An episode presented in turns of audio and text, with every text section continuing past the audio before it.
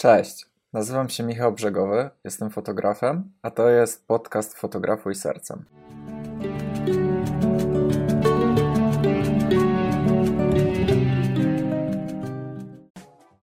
Cześć, słuchajcie, w dzisiejszym vlogu opowiem Wam trochę o tym, jak sobie radzić z porażkami i z odrzuceniem, z mojego punktu widzenia. Jest to coś, z czym miałem chyba najwięcej problemów w swoim życiu, ponieważ od małego nie potrafiłem przegrywać. Więc po wielu, wielu latach postanowiłem sobie przepracować ten problem, bo zauważyłem, że będąc dorosłym, nawet wtedy mam, teraz, nawet teraz miałem ten problem. I też zauważyłem, że podświadomie unikam em, zadań i rzeczy, gdzie jestem narażony na rywalizację, bo to się wiąże jakby z, z ryzykiem przegranej. No i słuchajcie, z czego to wynika moim zdaniem i jak sobie z tym poradzić? Bo to nie to chodzi, żeby całe życie unikać rywalizacji, bo czy nie narażać się właśnie na strach y, związany z przegraną, tylko żeby się nauczyć z tym radzić. Słuchajcie, zabrzmi to oczywiście, ale wszystko bierze się z waszej głowy i z mojej.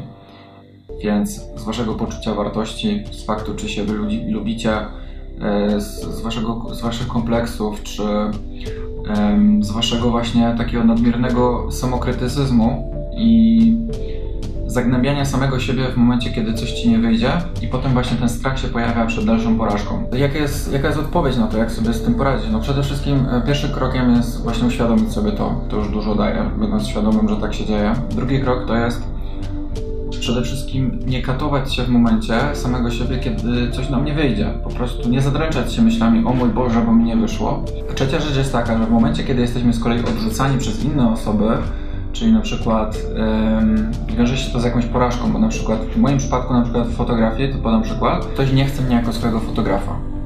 Bo, bo nie podoba mu się to, co robię, bo nie, podoba mu się, nie podobają mu się moje zdjęcia, nie podoba mi się mój styl, moja filozofia.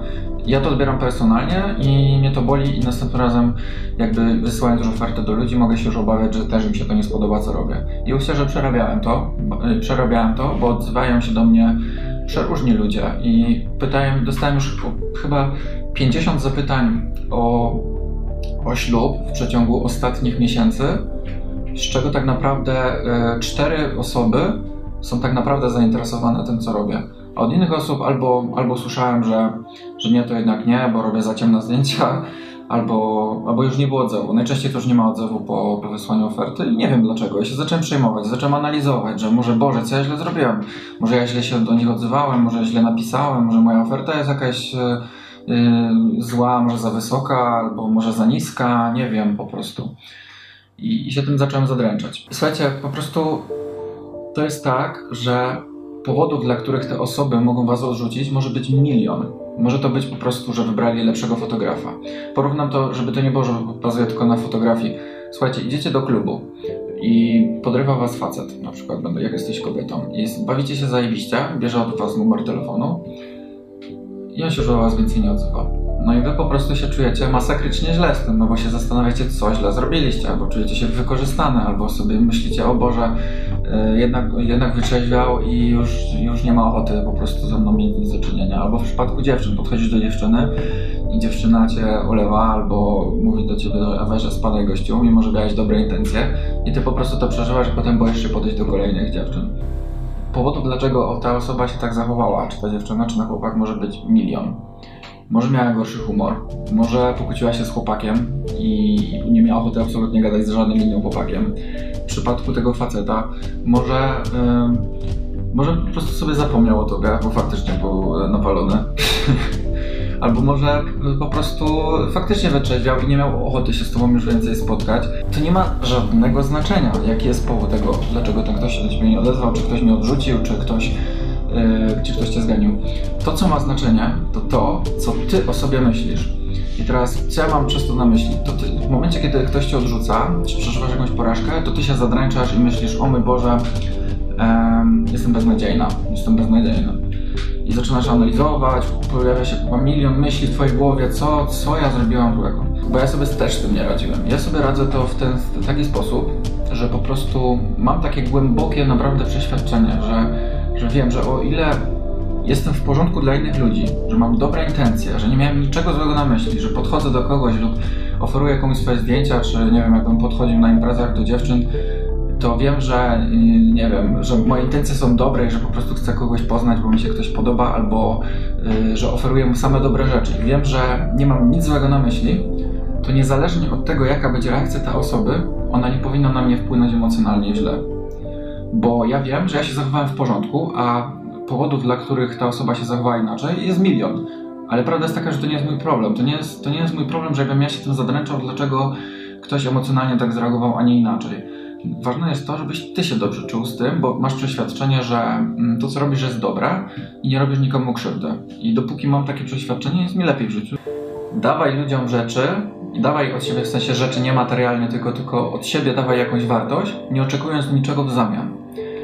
I niezależnie od tego wtedy, jak ta osoba zareaguje, to nie będziesz miał poczucia winy, bo wyobraźcie sobie sytuację, na przykład na moim przykładzie, oferuję komuś pomoc ze swojej strony, albo darmową sesję narzeczeńską i ja z tyłu głowy mam, że okej, okay, ale ja oczekuję tego w zamian, że mnie weźmie na swój ślub, albo okej, okay, ale ja oczekuję w zamian, że on kupi moją książkę fotograficzną, bo ja mu pomogłem. I, I teraz jest taka sytuacja, że ten ktoś mnie nie bierze na swój ślub i nie kupuje moją książkę i ja się czuję wtedy źle. Ja coraz czuję właśnie taką wewnętrzną porażkę, złość i, ym, i przestaję właśnie już dawać ludziom, pomagać ludziom, przestaję jakby angażować się w to, bo, bo, bo nie chcę przegrać, nie, nie chcę czuć się jak przegrany przy następnej takiej sytuacji. I to jest pułapka, w którą nie chcę, żebyście wpadali.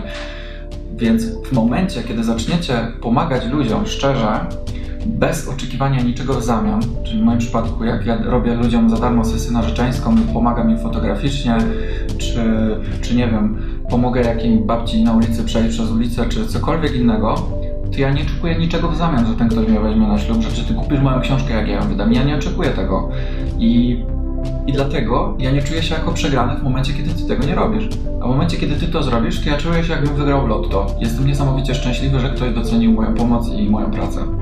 To jest ta właśnie różnica. I to jest. To było po prostu mój przełomowy moment w momencie, kiedy zacząłem to robić.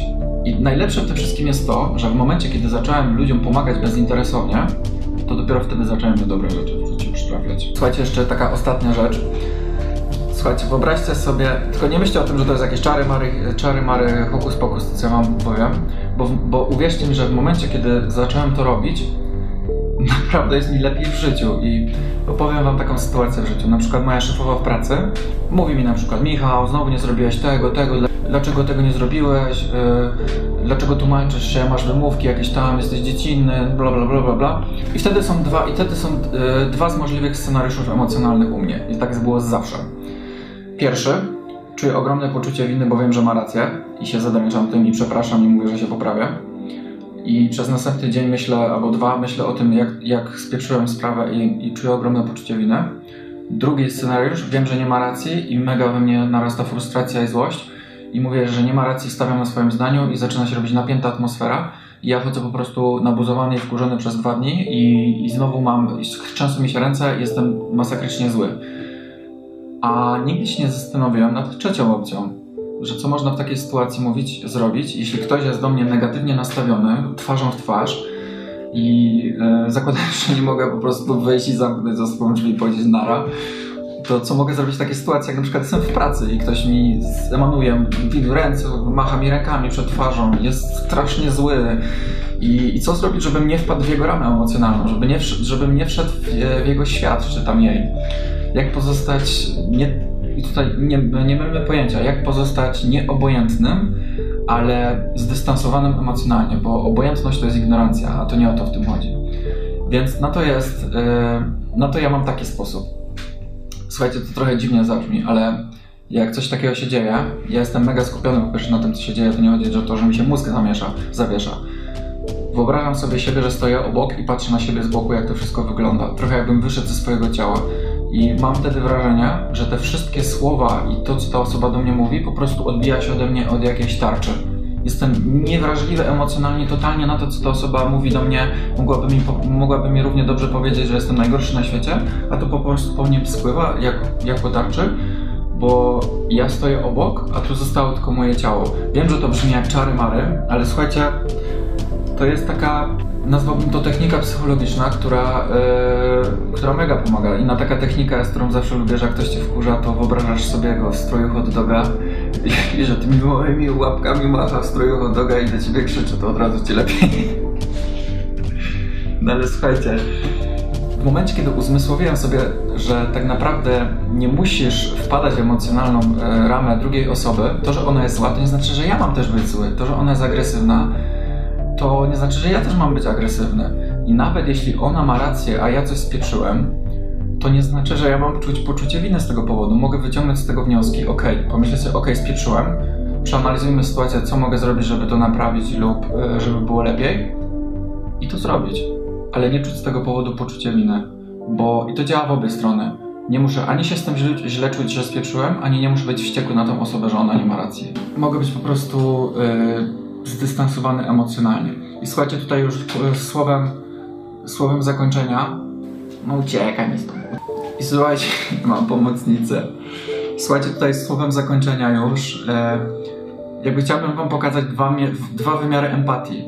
Jest jakby empatia, która jest zdrową empatią, ale jest też, która jest niezdrową. I, no, i ta niezdrowa to jest w momencie, kiedy ktoś wam mówi na przykład, słuchaj, jest mi tak źle w życiu, jest mi, moja mama ma raka, e, zaczyna płakać przy tobie E, I ty, w moment, I ty w tym momencie zaczynasz płakać razem z tą osobą i przeżywać to na takim samym poziomie emocjonalnym jak ta osoba. Jesteś tak samo zrozpaczona jak ta osoba. I to jest niezdrowa empatia, tak bym to nazwał, bo wyobraźcie sobie, że idziecie do psychologa, opowiadacie jej dramaty swojego życia i ona zaczyna to przeżywać tak samo jak wy. Wyobrażacie sobie taką sytuację, bo ja sobie tego nie wyobrażam. No ale też sobie nie wyobrażam, żeby na przykład psycholog był, nie miał empatii, był obojętny emocjonalnie w, w stosunku do moich problemów. I tutaj wchodzi właśnie ta zdrowa empatia, o której Wam chcę powiedzieć. I to jest na tej zasadzie, że jakby rozumiem, rozumiem to, co ta, na, co ta osoba przeżywa i na jakim poziomie to przeżywa i współczuję jest mi też przykro i jestem w stanie jej pomóc na, na, zasadzie bycia z nią, wspierania z nią, przebywania z tą osobą. Jeśli jest jakieś rozwiązanie tej sytuacji, to logicznym, logicznym znalezieniem e, jakiegoś rozwiązania z tej sytuacji. Jeśli nie ma rozwiązania, to po prostu jestem w stanie ją wspierać i po prostu być przy niej, ale nie wpadam w emocjonalną ramę tej osoby. Czyli na zasadzie nie, nie czuję się zrozpaczony tak samo jak ta osoba, bo pozostaję jakby dystansowany emocjonalnie i nie wchodzę w tą ramę. I to i najlepsze w tej zdrowej empatii jest to, E, że jeśli ją zachowacie, to wtedy jest duża, większa szansa, że jesteście w stanie wesprzeć tą osobę, która potrzebuje tego wsparcia. Bo w momencie, kiedy zaczynacie, wpadacie w rozpacz, tak jak ta pierwsza osoba, to ona czuje się jeszcze bardziej zrozpaczona. I ona potrzebuje wtedy kogoś stabilnego. Słuchajcie, no znowu pojechałem pan do loku, ale w vlogu. Ale jakoś tak poczułem taką potrzebę, bo dostaję od Was dużo wiadomości, że to co robię, mówię, jest dla Was motywujące, inspirujące, więc stwierdziłem, że w sumie czemu miałbym się e, nie podzielić, e, nie dzielić z Wami dalej tym, w tym, w co wierzę. Mówię Wam rzeczy, w które ja wierzę, które, które mi pomagają być szczęśliwszym. No bo tego samego chciałbym dla Was. Dziękuję Wam za obejrzenie. Widzimy się w następnym odcinku. Cześć!